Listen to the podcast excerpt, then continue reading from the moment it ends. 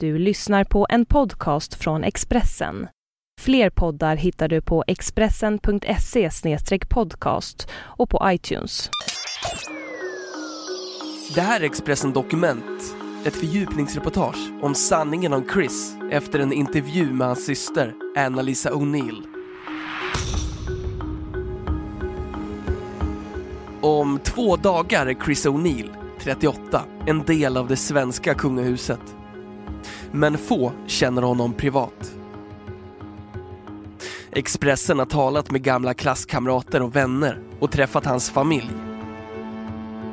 Här är berättelsen om prinsessan Madeleines man bakom den skräddarsydda kostymen. Jag tänker fortfarande på Chris som en liten unge, säger hans stora syster Anna-Lisa O'Neill, 53.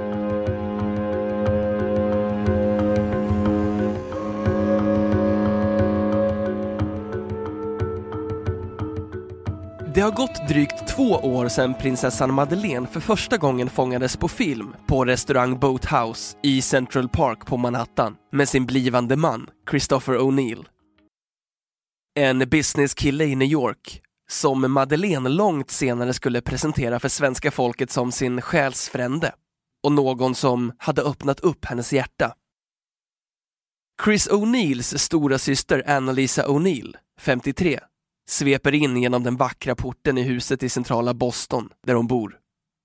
Inte långt ifrån Chris andra halvsystrar på pappans sida, Karen, 50 och Stephanie, 51. De har tidigare aldrig pratat offentligt om sin bror. Inte ens de närmsta grannarna vet att systrarna snart flyger till Stockholm för att se sin lillebror gifta sig med den svenska prinsessan. Men nu gör hon ett undantag. Det är så lätt att det blir fel och att folk inte uppskattar det man säger. Så jag har medvetet hållit mig undan. Men ja, det är jättespännande. Det är ju min lillebror som gifter sig. Jag är så förväntansfull och längtar till bröllopet, säger Anna-Lisa O'Neill. Jag har inte träffat Madeleine än, men jag ser mycket fram emot det. Vi åker till Sverige ett tag innan själva bröllopet så vi har tid. Det ska bli underbart att lära känna henne. Chris O'Neill föddes på St. Mary's Hospital på Prad Street nära Paddington i centrala London den 27 juni 1974. Hans pappa, Paul O'Neill, som dog 2004, var en framgångsrik amerikan som hade flyttat till London på 60-talet. Chris mamma, Eva Maria, var hemmafru som vikt sitt liv åt välgörenhetsgalor och societetsliv. Innan hon träffade Chris pappa påstås hon ha haft en uppmärksammad kärleksrelation med prins Charles och hon var noga med att hennes barn skulle få bästa möjliga start i livet. Redan tidigt fick Chris O'Neill lära sig att uppföra sig i fina sammanhang. En nära vän till familjen berättar. Chris var en väldigt försiktig pojke. Jag skulle säga att han inte var någon bråkstake på något sätt utan mycket snäll, mycket väluppfostrad och oerhört välartad. Det märktes att hans mor var väldigt bra på att uppfostra sina barn.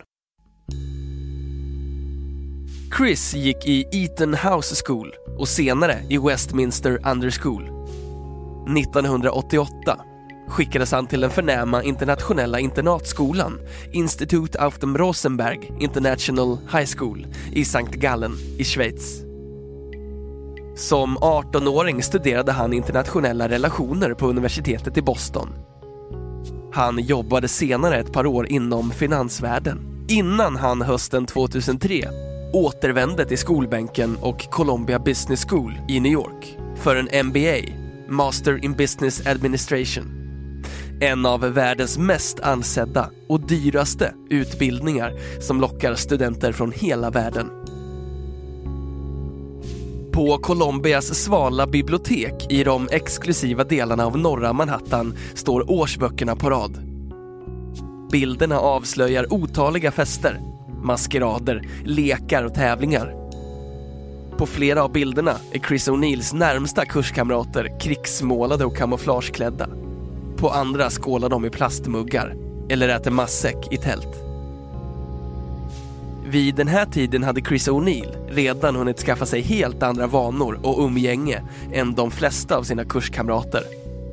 På den exklusiva vimmelsajten newyorksocialdiary.com blev han tidigt ett känt ansikte. 2004, året innan Chris tog sin MBA-examen, gick han på cocktailparty tillsammans med marknadsföringsesset och modeprofilen Rory Hermele, känd från varumärken som Hermes och Bulgari. Chris har en avslappnat uppknäppt skjorta och vinglaset är redan tömt. Chris var en glad skit som gillade att roa sig fint, säger en person som på den tiden tillhörde samma gäng. Innan Chris O'Neill träffade prinsessan Madeleine hann han dejta tv-stjärnan Annie Churchill. 2007 fångades paret på bild på en bal, sponsrad av Escada, i Botaniska trädgården i New York. Och bara månader innan han träffade prinsessan Madeleine poserade han på bild under en välgörenhetsgala tillsammans med jetset-kvinnan Candice Miller. 2008 var han tillsammans med den 11 år yngre underklädesmodellen Mariam Abdulina.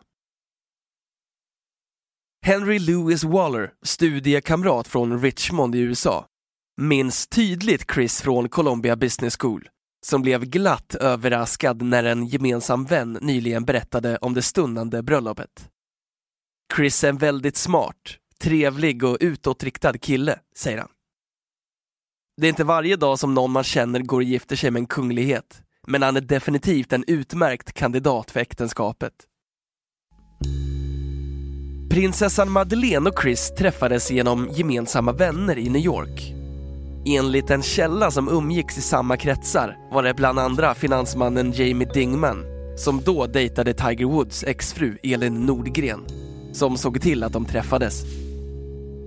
De umgicks i samma lilla klick i New York och hamnade på samma middagar, säger en uppgiftslämnare. I en intervju på hovets hemsida i samband med förlovningen berättade prinsessan Madeleine att hon och Chris först blev goda vänner och att hon föll för hans värme och humor.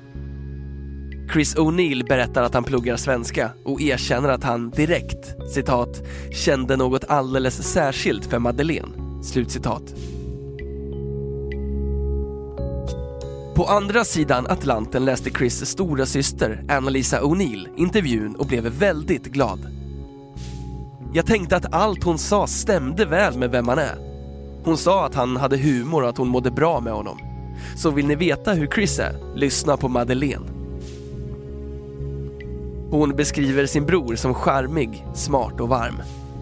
Och rolig, helt enkelt. En väldigt varm, intelligent och omtänksam person, säger hon. Trots att det både är många år och många mil mellan syskonen har de alltid haft en speciell relation. Han är mycket yngre och vi har inte levt i samma stad på länge. När han gick på universitetet här i Boston träffade jag honom mer. Men du vet hur det är nu för tiden. Alla är så upptagna. Det är synd. Jag är van vid min syster som bor så nära. Det är svårare när någon inte bor två minuter bort till fots. Men vi hörs på telefon.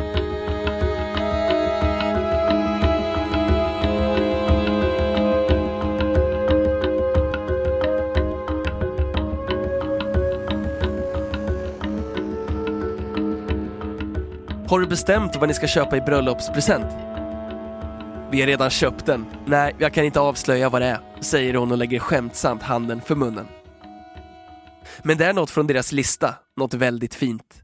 De har själva valt ut sakerna, så det är någonting som är mycket vackert. Något som de ska ha i lägenheten. Tror du att de kommer stanna i New York eller flytta hem till Sverige? Jag vet verkligen inte, svarar Annalisa. Prinsessan Madeleine är ju väldigt barnkär och mycket engagerad i välgörenhetsorganisationen Childhood. Vilken typ av pappa tror du Chris kommer bli den dagen de får barn? Det är en intressant fråga. Jag tänker ju fortfarande på Chris som en liten unge, säger hon och måttar med handen en meter ovanför marken. Vi tillbringade mycket tid tillsammans när han var liten och jag var mycket yngre än nu. Det är svårt att tänka sig honom som pappa. Men det jag tänker är varm. Du vet hur det är. Man är förälder som man är människa.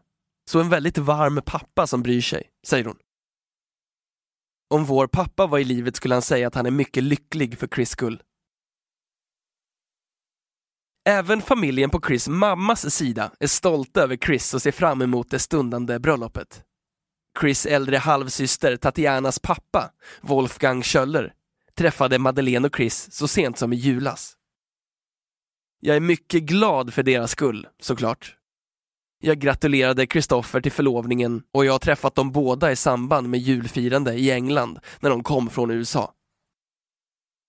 Han berättar att han fick ett väldigt gott intryck av prinsessan. De är båda mycket lätta att ha att göra med. Jag hoppas att de får ett bra äktenskap. Han är en familjeman och väldigt mån om att behandla sin familj väl, säger han. En annan som kommit Chris O'Neill nära är golfproffset Jesper Parnevik. Han och hans fru Mia lärde känna prinsessan Madeleine för flera år sedan i samband med en välgörenhetsmiddag för Silvias Childhood Foundation som Madeleine numera arbetar för i New York. I vintras träffade de för första gången prinsessans blivande man och sedan dess äter de parmiddagar så ofta de hinner. Jag är ju ofta ute och reser och de har sina grejer, men när det passar så ser vi till att ses, säger Parnevik. Även han beskriver Chris som en schysst person som är lätt att umgås med. Han känns som en reko kille. Jo, jag gillar honom mycket. Han har fötterna på jorden och är ganska rolig. Det kan inte vara så lätt för honom med den här uppmärksamheten som han inte har varit van vid, men han tar det bra. Det märks att de trivs ihop. Senaste gången Parnevik träffade Chris tog han med honom på en riktig golfrunda. Han är en helt okej okay golfare också, säger Parnevik och skrattar. En av Chris gamla polare hängde också med och lirade. Han skulle visst också gå på bröllopet och var väldigt trevlig. Vad tror du händer efter bröllopet? Blir de kvar i USA? Jag tror att Madeleine vill vara kvar och jobba med Childhood. Det är ju det hon brinner för mest, med barnhemmen de hjälper och så vidare. Sen Chris O'Neill träffade Madeleine har han medvetet hållit sig borta från röda mattan och kändisfester. Med några få undantag. Bland annat välgörenhetsevenemang arrangerade av Childhood. Det var också i samband med ett sånt evenemang som Jesper Parnevik för första gången träffade Chris O'Neill och han beskriver organisationen som det som knyter samman många i umgängeskretsen. När satellitradiokanalen Sirius för några år sedan spelade in en stor radiokampanj med kända svenska röster var regissören Lasse Hallström och hans fru skådespelaren Lena Olin på plats. Liksom New York Rangers målvakten Henrik Lundqvist, Tiger Woods exfru Elin Nordgren och flera andra kända svenskar. På kvällen var det stor galamiddag och efter det blir många av dem vänner. Elin och Madeleine känner också varandra genom Childhood. Men jag vet inte om hon ska gå på bröllopet. Inte Henke heller. Jag vet inte hur väl de känner varandra. Men Childhood är basen kan man säga, säger Jesper Parnevik. Childhood ska även ha spelat en viktig roll när Madeleine och Chris först träffades. Expressens hovreporter Johan T Lindvall avslöjade i sin bok Madeleine, prinsessan privat, att Chris O'Neill skänkte 700 000 kronor till Childhood. Inte långt efter att han träffat Madeleine för första gången. Han gjorde det som en anonym donator, men det ska ändå ha kommit fram till Madeleine. Childhoods generalsekreterare, Anna De Geer, vill inte kommentera uppgiften. Vi kommenterar aldrig enskilda givare eller deras donationer, säger hon. Men Madeleine och Chris arbete för Childhood betyder uppenbart mycket för organisationen. Inför bröllopet har paret uppmanat allmänheten att skänka pengar istället för bröllopsgåvor. Många av de inbjudna gästerna väntas donera pengar som komplement till de vanliga presenterna. Vi är såklart jätteglada för prinsessans och O'Neills initiativ. Det innebär att vi kan arbeta vidare och stödja fler projekt, säger Anna De Geer. Hon har flera gånger träffat Chris O'Neill tillsammans med prinsessan och hyllar hans engagemang. Jag ser att han verkligen står vid prinsessans sida och han är givetvis intresserad av de saker som hon är intresserad av. Liksom hon av det som han är intresserad av. Precis som det ska vara i ett bra förhållande. Jag upplever honom som väldigt sympatisk, trevlig och seriös. De gånger jag träffat honom har han gett ett mycket varmt och sympatiskt intryck, säger hon. På hovets hemsida berättar Chris att han brinner för sport och speciellt utomhusaktiviteter som utförsåkning, tennis och golf. Han och Madeleine har redan varit på skidresor i både Alperna och amerikanska skidorter. Och paret brukar ofta ses i träningskläder på väg till gymmet eller på powerwalk i Central Park. Chris uppges också vara intresserad av musik och litteratur och är ett stort fan av det engelska fotbollslaget Chelsea.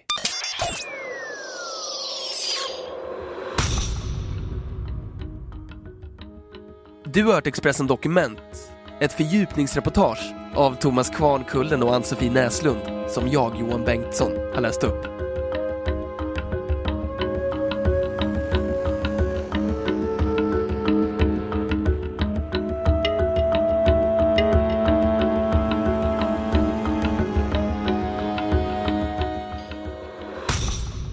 Du har lyssnat på en podcast från Expressen. Ansvarig utgivare är Thomas Mattsson. Fler poddar finns på Expressen.se och på iTunes. Ett poddtips från Podplay.